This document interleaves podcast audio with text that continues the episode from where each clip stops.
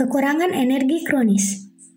Status gizi kurang merupakan salah satu masalah malnutrisi yang membutuhkan perhatian khusus dan perlu penanganan sejak dini. Hal ini karena kondisi kurang gizi dalam jangka waktu lama dapat mempengaruhi pertumbuhan balita, gangguan sistem imun, dan risiko terkena penyakit infeksi meningkat, serta risiko terjadinya kematian pada balita. Apalagi di tengah pandemi COVID-19 saat ini, kita harus bisa menjaga imun yang dapat diterima melalui olahraga maupun memperhatikan makanan yang sehat dan seimbang agar gizi dalam tubuh terpenuhi. Masalah kesehatan ibu dan anak merupakan salah satu aspek yang diperhatikan dalam program Nawacita Presiden Republik Indonesia saat ini dalam rangka peningkatan kualitas hidup manusia di Indonesia. Masalah tersebut tidak berdiri sendiri melainkan berhubungan satu sama lain. Salah satu masalah kesehatan ibu yang masih terjadi di Indonesia adalah kasus kurang energi kronis.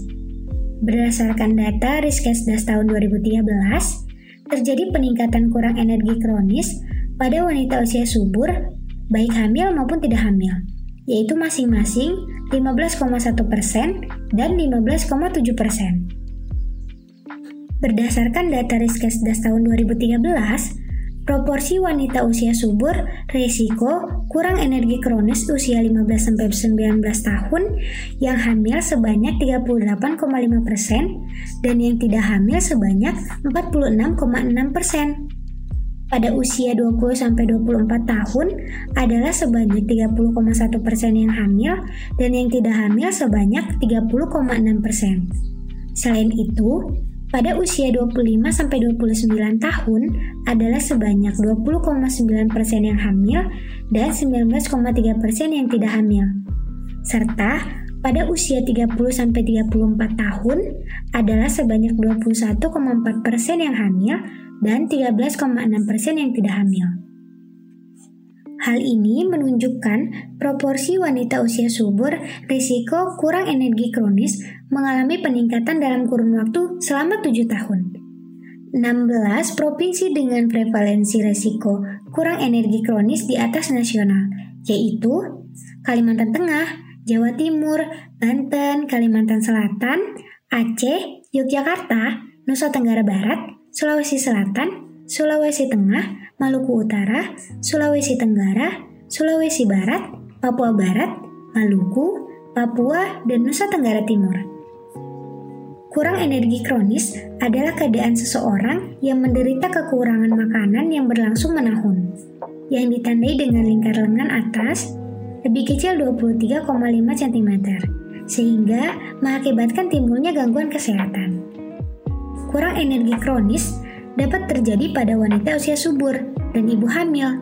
Selain itu, kekurangan energi kronis juga dapat diartikan sebagai suatu kondisi di mana seorang ibu hamil menderita kekurangan asupan makan yang berlangsung dalam jangka waktu lama yang mengakibatkan timbulnya gangguan kesehatan. Sehingga peningkatan kebutuhan zat gizi pada masa kehamilan tidak dapat terpenuhi.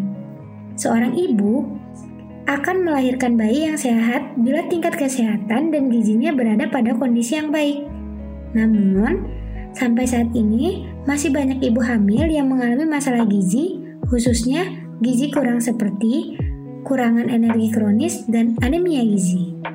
Apa sih faktor risiko kejadian kurang energi kronis dan gejala yang muncul? Nah, faktor risiko yang berhubungan dengan kejadian kurang energi kronis pada ibu hamil juga disebutkan karena kondisi sosial ekonomi keluarga dan faktor ibu. Kondisi sosial ekonomi keluarga meliputi tingkat pendidikan, status, dan jenis pekerjaan, serta pendapatan rata-rata per bulan.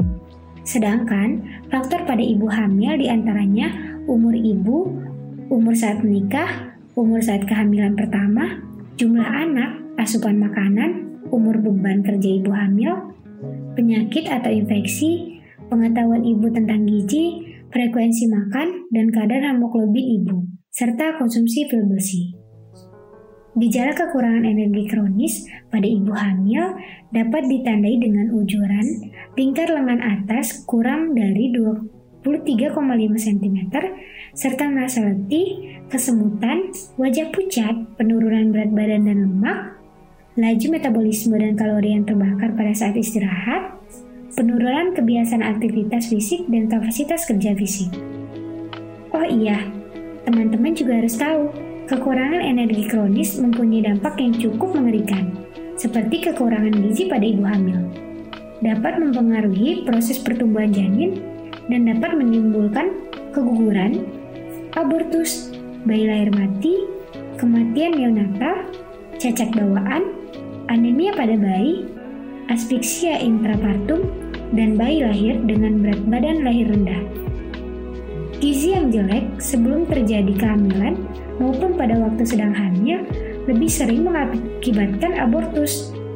Bayi berat lahir rendah, hambatan pertumbuhan otak janin, anemia pada bayi baru lahir, bayi lahir muda terkena infeksi, lahir mati, dan jarang menyebabkan cacat bawaan kurang gizi yang kronis pada masa anak-anak dengan atau tanpa sakit yang berulang akan menyebabkan bentuk tubuh yang sunting atau kuntet pada masa dewasa.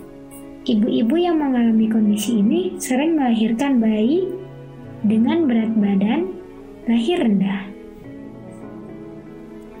Lalu, solusi dalam penanganan kurang energi kronis seperti apa?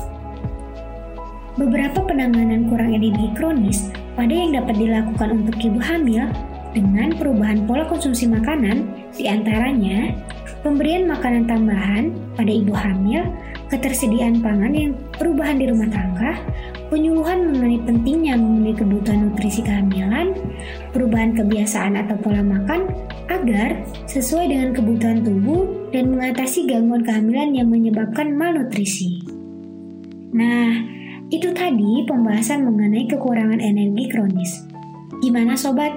Pertemanan sejiwa, menarik bukan? Yuk sama-sama berproses untuk meningkatkan resiliensi kita agar menjadi positive and optimist people. Jangan lupa follow Instagram Pertemanan Sejiwa dan subscribe kanal YouTube ini untuk mendapatkan informasi menarik lainnya seputar psikologi, mental health, gizi, dan pengembangan diri. Sampai jumpa di podcast berikutnya. Salam pertemanan sejiwa.